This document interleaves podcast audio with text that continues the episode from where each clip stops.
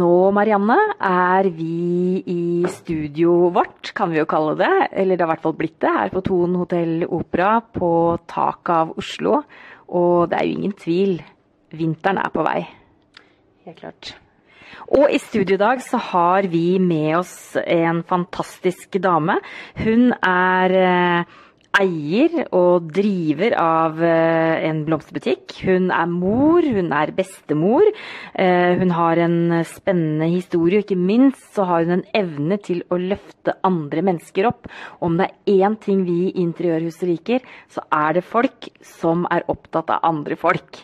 Og velkommen eh, i studio, Margit Halsen Sagvolden. Tusen takk. Du har drevet 31 år med blomster. Jeg har drevet blomsterbutikk i 31 år. Jeg starta i blomsterbutikk når jeg var 12 år. Jeg starta egentlig min karriere med å plukke liljekonvall og stå utenfor Molde sykehus og selge det når jeg var 8 år gammel. Da bandt jeg buntene sammen med rød ulltråd. Og så så jeg da når jeg var 8 år at det ble ikke noe fint, så når jeg var 9 år så hadde jeg grønn ulltråd rundt buntene. Og når jeg var 12 år gammel så gikk jeg på Molde Blomster, Vatne i Molde, og spurte om å få jobb. Og de syntes jeg var altfor ung. Men jeg fortalte dem at jeg kom, når jeg ble stor, så kom jeg til å drive blomsterbutikk. Og jeg kom til å bli en av de drive de beste blomsterbutikkene i Norge. Og han syntes det var Han syntes jeg var så morsom og rar, eller jeg vet ikke. Men i hvert fall så fikk jeg jobb. Og han er faktisk min største fan i dag. Olav Vatne heter han. Og han er pensjonist og ja. Og du driver jo en av Norges eh, beste blomsterbutikker, som er da Interflora på Strømmen, på Strømmen storsenter. Hvordan er det å drive en blomsterbutikk? Altså For meg er det hele livet mitt. Jeg har alltid ønska å drive blomsterbutikk. Altså, jeg begynte faktisk på Mamma syntes ikke at det å ha blomsterbutikk var eh, fint nok og godt nok. Jeg var veldig flink på skolen, hadde, var best i klassen alltid. Så hun mente at det burde bli noe stort nå. Flaggstang sa jeg og smalt med døra, for jeg var høy. og jeg begynte på Landbrukshøgskolen på Ås, og så har jeg gått der i, på andre året. Så sitter vi en gjeng på skolen og så snakker om drømmer. Og så sier jeg at ja, jeg drømmer om å drive blomsterbutikk. Og da ble samtalen helt stille. Og så ser alle på meg og sier 'Hvorfor er du her?' Og så svarte jeg 'Pga. mamma'. Og da hørte jeg sjøl hvor utrolig idiotisk det var. Så da slutta jeg med en gang, faktisk. Wow. Ja. Fantastisk. Og hva gjorde du da, Margit? Da, da begynte jeg faktisk i en blomsterbutikk. Hos eh, Orkidé Blomster hos Ket Groås her i Oslo.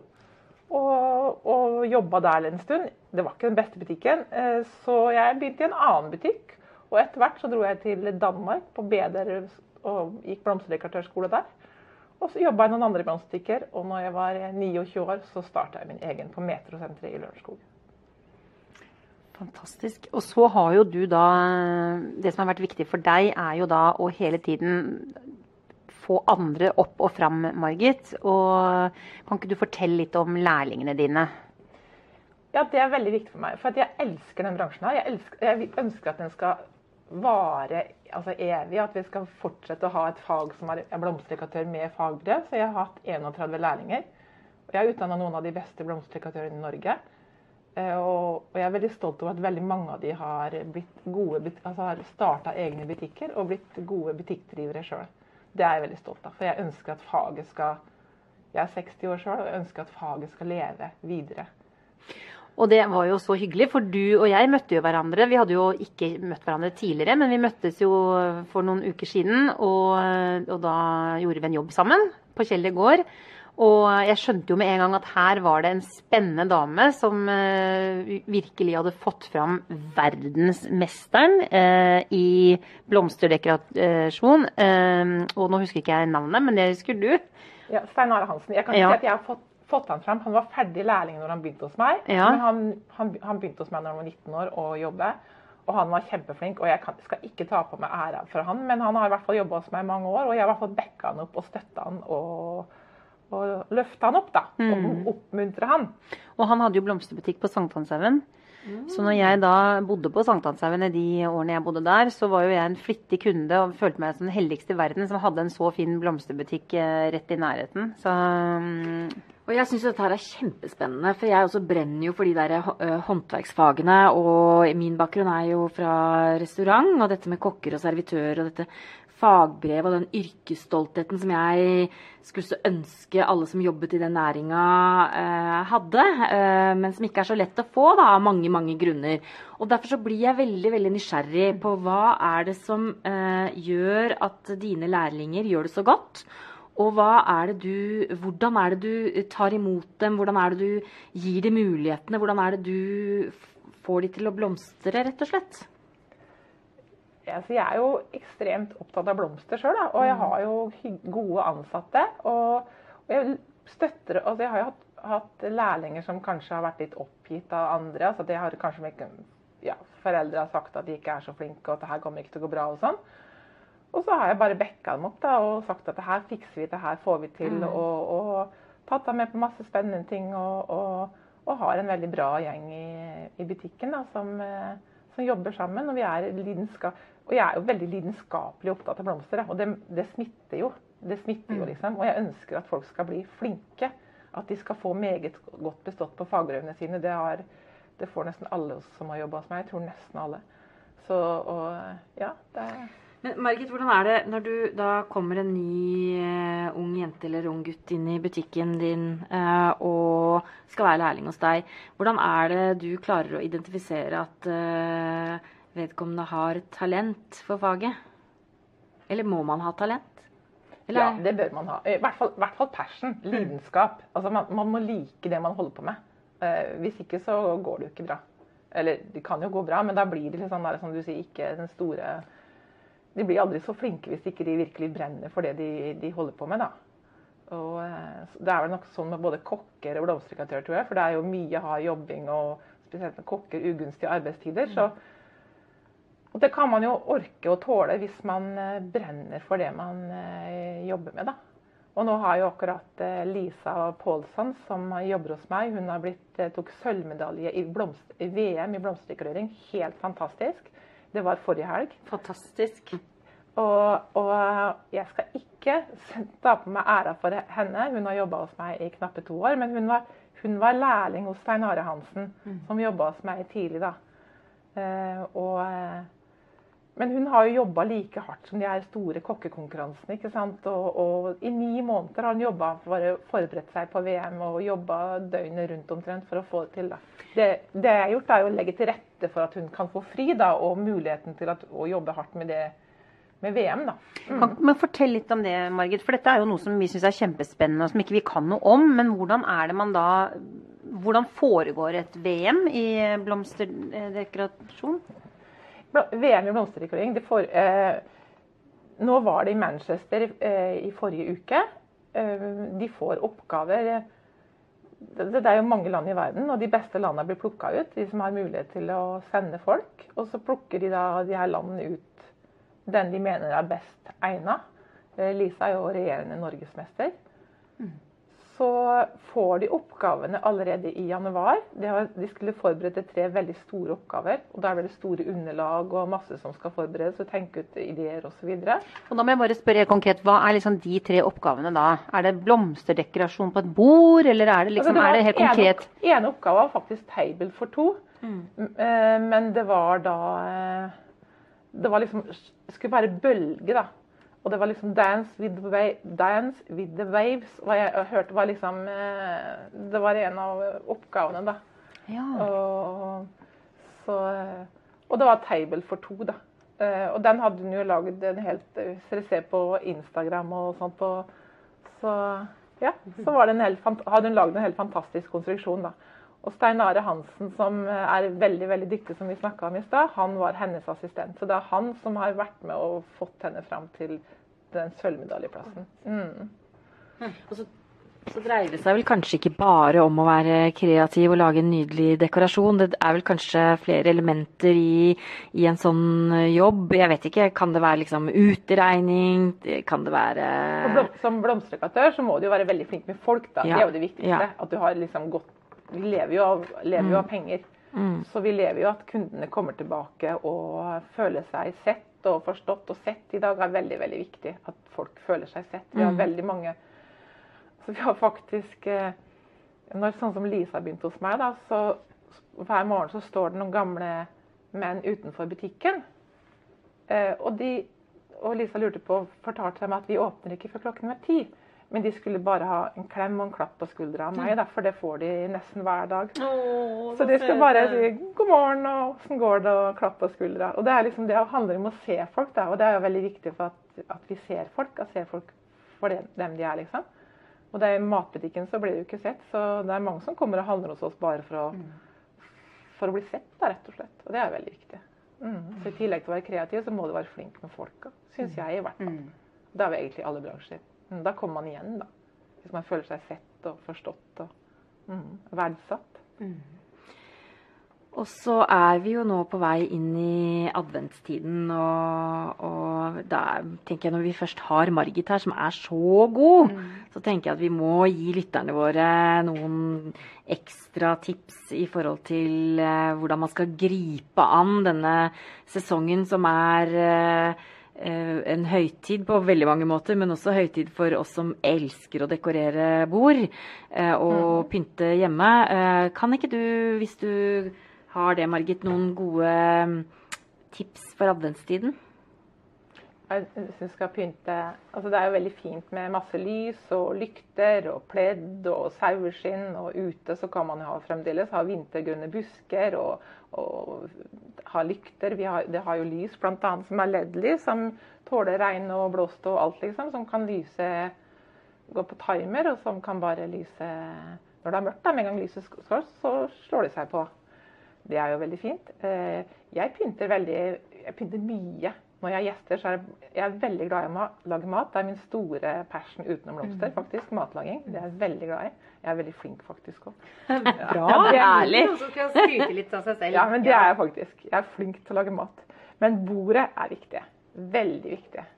Og jeg har alle mine ansatte de er invitert hjem til meg to ganger i året. På juleselskap og sommerselskap. Jeg har foreslått veldig mange ganger at kanskje vi skal ha det på en restaurant. Og folk ser på meg som jeg skal være helt skrulle eller gal eller eh, et eller annet sånt. Det skjer ikke. Altså, det, det, det skjer ikke. De, vil, de skal hjem til oss. Og på et sånn typisk bord på, til advent da, eller jul, så tar jeg en strimle med gladpakk og legger på bordet. Og så tar jeg masse putemoser og kongler. Og, og først tar jeg masse sånn telysglass og kanskje kubbelys. Og så litt forskjellige vaser. Og så, og så fyller jeg hele gladpakken med kongler, mose, kanskje gullkuler, stjerner eller sølvkuler, eller alt etter hva du ønsker sjøl. Mellom, så det blir liksom sånn et stort eh, Ja, det blir veldig fint, da. Stort belte på midten av bordet. Og så ler, ja, belte på midten av bordet, og så med kanskje lerkegren eller noe som var litt på kryss og tvers. Og Og hvordan blomster, Hva gjør du da med blomstene? jeg putter de oppi de her telysglassene, eller bare legger eh, orkidéklokker sånn løst oppi. Mm. Så det blir nesten som en sånn mosedekt eh, bunn, da. En mosedekt bunn med masse kongler Ja. og forskjellige, forskjellige grankongler, furukongler, lerkekongler, grener. Mm. Det blir veldig vakkert. Og da eh, Det ødelegger ikke bordet når du legger plast eh, Da legger jeg gladpakk på, Ja. derfor jeg har gladpakk. Ja. Og så er det jo Jeg har jo en greie da om at eh, jeg alltid Og det er ikke så lett da når man har hatt eh, 30 juleselskap hjemme for de ansatte og 30 sommerselskap, og inspirere de på nytt hver gang. Så jeg bruker mange timer på det bordet, altså. Det, det gjør jeg. For at det skal bli inspirerende. Og jeg skal inspirere bl.a. også Lisa, som nå ble sølv i VM, liksom. Så jeg må jo legge lista høyt.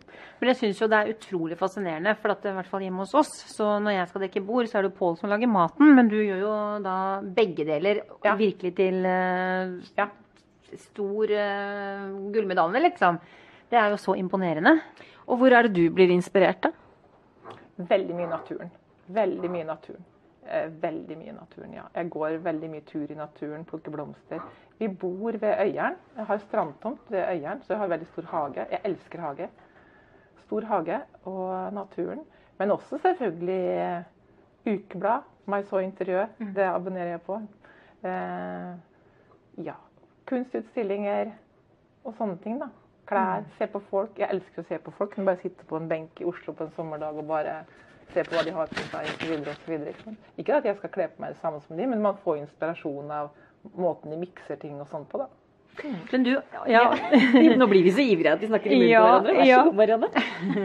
Men det å se på folk, for du, vi, vi snakket jo litt før vi, vi vi begynte, og da var det jo det at eh, du fortalte jo noen utrolig spennende opplevelser når det kommer til eh, reise. Eh, fortell om eh, New York. Oi. Eh, ja, det er lenge siden. da. Når jeg var ferdig på videregående, så reiste jeg til New York. Eh, Jobba som au pair i én måned. Tjente ikke mye penger der, og de ble veldig utynta. Så fikk jeg jobb som housekeeper. Og jeg elska å danse. Og, og så hadde jeg veldig lyst til å komme meg inn på Studio 54, for det var det eneste jeg hadde hørt om når jeg, fra Norge, var Studio 54. Og det var kjempestort. Så da jeg hadde vært der en to-tre måneder, da, så styla jeg meg opp etter alle kunstens regler og dro på Studio 54. Men det var kø rundt to kvartaler. Altså det er liksom 800 meter, et kvartal er 400 meter, tror jeg. Så det var sånn 800 meter kø. Så jeg gikk bakerst og lurte på hvor lang tid tar det før jeg kommer inn. Og da sa den bakerste at ja, de trodde ikke de kom inn, men hvis de var heldige, kanskje. Da gikk jeg hjem. Og så tenkte jeg hm, hva skal jeg gjøre nå? OK. Og da da brukte jeg to uker på å få litt mer penger og kjøpe så kule klær.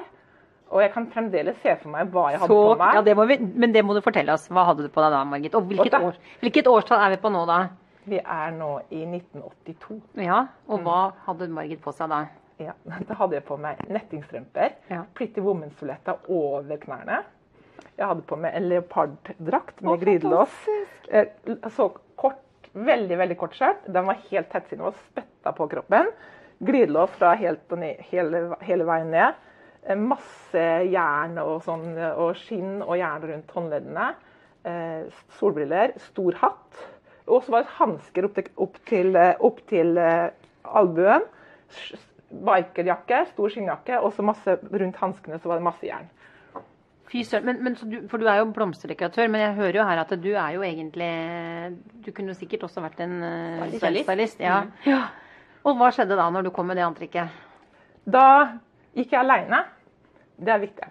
Ja. Og så gikk jeg bare rett på dørene.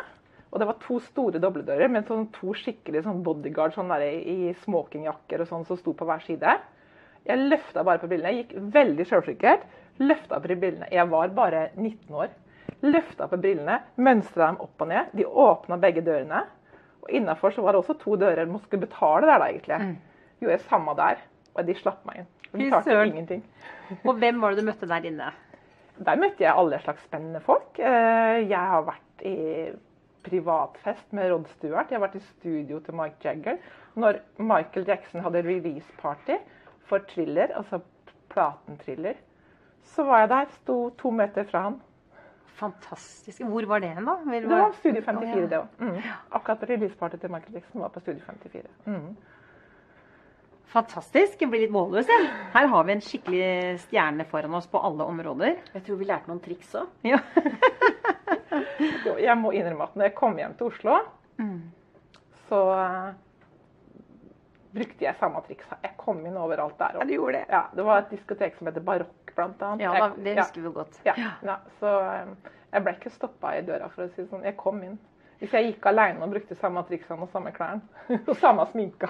Men tror du, Margit, det er, jo, det er jo utrolig fascinerende å høre, og du er jo en ikke sant, Du har drevet nå 30 år, eller 31 år med blomsterbutikk, du, men allerede fra veldig veldig tidlig alder Du forteller at du da solgte Lillekongvall. Lillekongvall foran sykehuset. Så du, du er jo på en måte født med en sånn utrolig drive, da. Veldig målrettet til hva du ville oppnå. Ja, det har jeg faktisk. Eh, Jeg vet ikke hvorfor, men jeg alltid elska blomster. Altså, Søstera mi samla på bakepulverbokser og vaniljesukkerbokser og alle sånne ting, og hadde, hadde matbutikk i dukkestua. Jeg plukka blomster og hadde blomster fra veldig tidlig. Altså, så, og jeg plukka så mye blomster, så jeg måtte gå og gi bort til alle i nabolaget, fordi vi alltid hadde for, for mye hjemme. Mamma hadde ikke nok vaser. Så jeg har alltid visst at altså, blomster er min store hobby og lidenskap. Og jeg blir ikke lei. Jeg blir ikke lei. Så når jeg kommer hjem fra jobben, så graver jeg hagen. Ja, ikke sant. Men så må vi jo eh, Vi vet jo alle at det å være å jobbe så dedikert og være eier og driver, eh, det krever jo utrolig mye. Men, eh, men, men så har, er det jo ikke bare det at du har drevet blomsterbutikk. Du, har jo også, du er jo også mamma. Og du delte jo en historie med meg når vi møttes som gjorde at jeg eh, fikk helt gåsehud fra topp til tå. Og hvis du kunne tenke deg å dele den historien med våre lyttere, så hadde det vært veldig fint. Det, kan jeg spørre deg om du kunne gjøre det? Jeg kan kanskje si litt. Mm. Har, vi har alltid vært sånn at vi ikke har villet delt historien med andre, for det er liksom livet vårt. da. Mm. Men nå er jeg 60, og det her skjedde når jeg var 34. Mm. Så det begynner å bli ganske mange år siden. Uh, vi var på altså, Og når jeg var 34, så fikk jeg plutselig seks barn. Mm. vi var på en fin, fin, tur med et vennepar som også hadde tre barn. Jeg og eksmannen min hadde tre barn i Nordmarka, på en skiforeningshytte der. Og på vei hjem så greier de å kjøre inn, kollidere med en buss. Og foreldrene som sitter i forsetet, dør momentant. Og barna i baksetet blir veldig hardt skadd. Mm. Den ene eldste lå i koma i mange dager. Og jeg er ikke så veldig religiøs, men akkurat da ba jeg inderlig til Gud om at han mm. måtte overleve. Og det mm. gjorde han heldigvis. Og så er det ikke så veldig mange som vil ha Det er ikke så mange som har kapasitet til å ta til seg tre barn. Mm. Eh, og de lå på sykehuset i tre og en halv uke. Mm. Og vi var der hver dag. Selvfølgelig når to unger, da, den eldste lå i koma, våkner på sykehuset og mamma og pappa ikke er der, så var det logisk å spørre etter bl.a. meg, da, siden jeg hadde vært sammen med dem hele helgen. Ja. Så da gjorde de det, og jeg var der. Og det ble faktisk mitt lodd i livet å fortelle dem at eh, foreldrene var døde. Og når de da kom ut fra sykehuset, så har de to eldste guttene snakka sammen, og da hadde de funnet ut at de ønska å bo hos oss. Mm.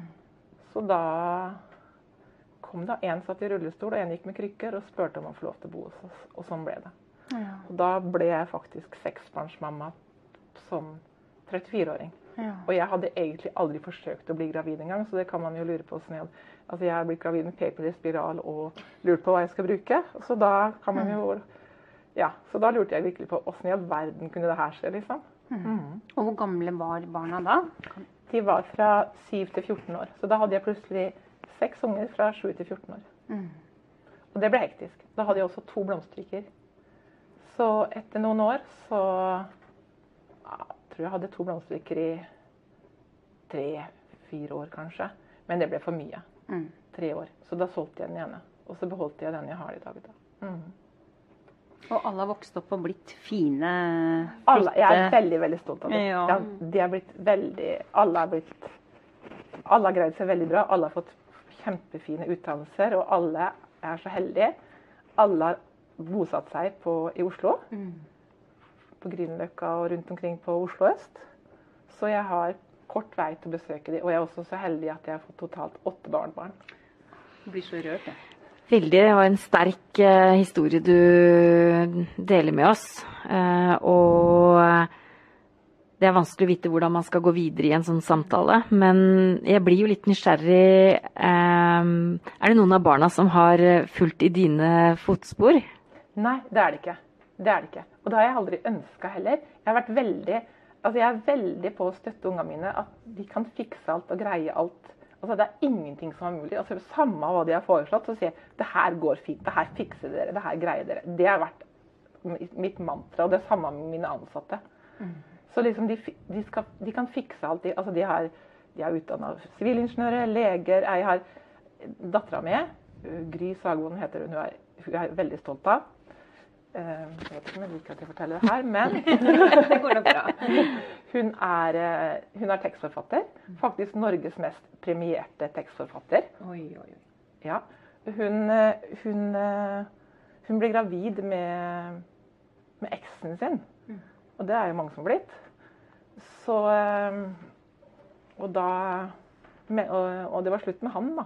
Men når hun gikk gravid, så var det en en sånn konkurranse for uh, Care Norge, altså for jenter. Altså oss, mm. oss, man, oss undertrykte jenter, da.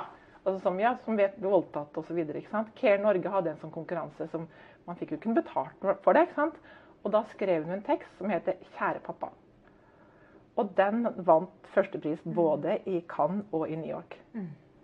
Fantastisk. Så, så det, og nå har hun faktisk starta for seg sjøl som frilanser. Så det var Hun er Og det er den, den derre 'Kjære pappa', der dere kan se den på på YouTube f.eks. Mm, så den, var, den, er en fantastisk Og det her er jo det her er åtte år siden, mm. så det var lenge før metoo. Ja.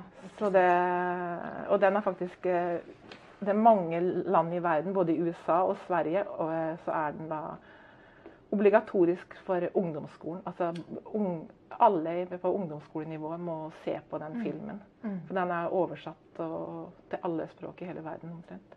Kanskje, jeg tror kanskje ikke de landene der damer Ikke arabiske land, tipper jeg, for der er mm. damer ganske undertrykte. Mm. Mm. I forhold til eh, blomsterbransjen, Margit, hvor eh, har du sett eh, noen forandring i den bransjen på de årene du har eh, holdt på? Ja, veldig store forandringer. Jeg må innrømme at eh, når jeg starta, så selvfølgelig var det vanskelig for meg å starte som var 29 år og ung, mm. og sånn, men jeg ser jo at den gangen så var det veldig mye enklere å drive butikk. Altså mm. Myndighetene alle har jo stramma inn og stramma inn og stramma inn, så det er jo mye vanskeligere for et privat menneske å drive en eller annen businessbutikk i dag enn en før. liksom. Mm. Det er det. Veldig mye vanskeligere. Og folk er mye mer eh, både kravstore og kritiske, og de skal ha akkurat sånn og sånn og sånn. De har, det er nettsider, de, er, eh, de, skal ha det akkurat sånn som sånn. Det og de er eh, ja, alt fra reklamasjoner og alt der. Folk er rett og slett mer kravstore i dag. Mm. Og så er jo blitt de alle store kjedene. Mm. Mm. Og eh, sånn I forhold til når du startet opp da for 31 år siden med egen butikk, eh, hvilke blomster var det som var hottest da? Oi, det husker, det husker, jeg nesten ikke. Men uh, det var jo mye av det samme som i dag, egentlig. Det var jo roser og Det som er så fint med blomster, er at det, er, det som jeg liker best med blomster, er at det er sesong. Mm. Det liker jeg veldig godt. liksom sånn nå, litt sein. Sesongene blir jo ofte dratt ut litt mer og mer. men nå kommer ja, Tulipanene kommer jo nå i november. ikke sant? Amaryllusen kommer i november. ikke sant? Og så masse av de her juleblomstene som vi, vi, elsker. liksom, Og vi kan jo ikke ha de på sommeren. altså Det er jo liksom det som er så fint med, med Og med en gang i januar så kommer jo masse løkblomster. altså Perleblomster, snøklokker. Og da er det liksom vår. Mm. Så det er jo det jeg elsker. da. Altså, mm. Jeg blir jo aldri lei av å dra på de torgene der de selger blomster til butikker og se. For det er liksom Oi, nå kommer på høsten så er det liksom lyng, og på sommeren så er det sommerblomster. og Det er liksom det som er så fint, da, at det er sesonger. Det er det jeg liker best. da, Sesongene. Og helt sånn avslutningsvis så blir jeg veldig sånn nysgjerrig. Nå er vi på vei inn i en deilig uh, tid, uh, høytid. Har du noen ønsker for uh, julehøytiden, Margit, i år? Jeg har jo ønsker om at folk skal fremdeles kjøpe blomster da, og kose seg og at vi skal være snille mot hverandre. Mm. Altså jeg trodde jo, når jeg var liten, så trodde jeg at, eh, at folk skjønte at etter hvert så skjønte folk hvor dumt det er å krig og sånn. Så til, når jeg ble stor, så trodde jeg at det kom til å bli fred. Mm. Sånn er det jo ikke. Men jeg håper at, eh, at folk syns folk skal være litt mer rause og sjenerøse med hverandre. Mm. Det syns jeg. At de skal være, se hverandre litt mer, og kanskje ringe noen som du ikke har ringt. og Sende en blomst til noen du ikke har sett før. og ja, rett og slett se hverandre. For det er og så tenker vi liksom alle folk er så travle og sånn, ikke sant? og så har ikke den ringt, og har ikke den ringt. Men folk er ofte litt beskjedne og litt sånn derre Og det er mange som er ensomme, selv om de, de, ser så flotte og fine ut, så er det mange mm. som er ensomme og Ja, det er godt Barndomsvennene er borte, og kanskje de barna har flytta hjemmefra og sånn. Så ja, så se hverandre og være litt rause og sjenerøse og, si, og bare si hei, liksom. Og smil til dem du møter på trikken, eller toget, eller bussen. Og det var en fin avslutning. Jeg kjenner at jeg skulle gjerne snakket mye mye lenger med deg, eh, Margit. Det var så koselig å ha deg i studio. Og um, nå har vi jo litt uh, deilig å både drikke og spise på bordet her. Og jeg tror vi skal servere noen nydelige um, tilslørte slottspiker nå. Det skal vi. Så nå fortsetter praten. Og tusen, tusen takk for at du ville være med på podkasten vår.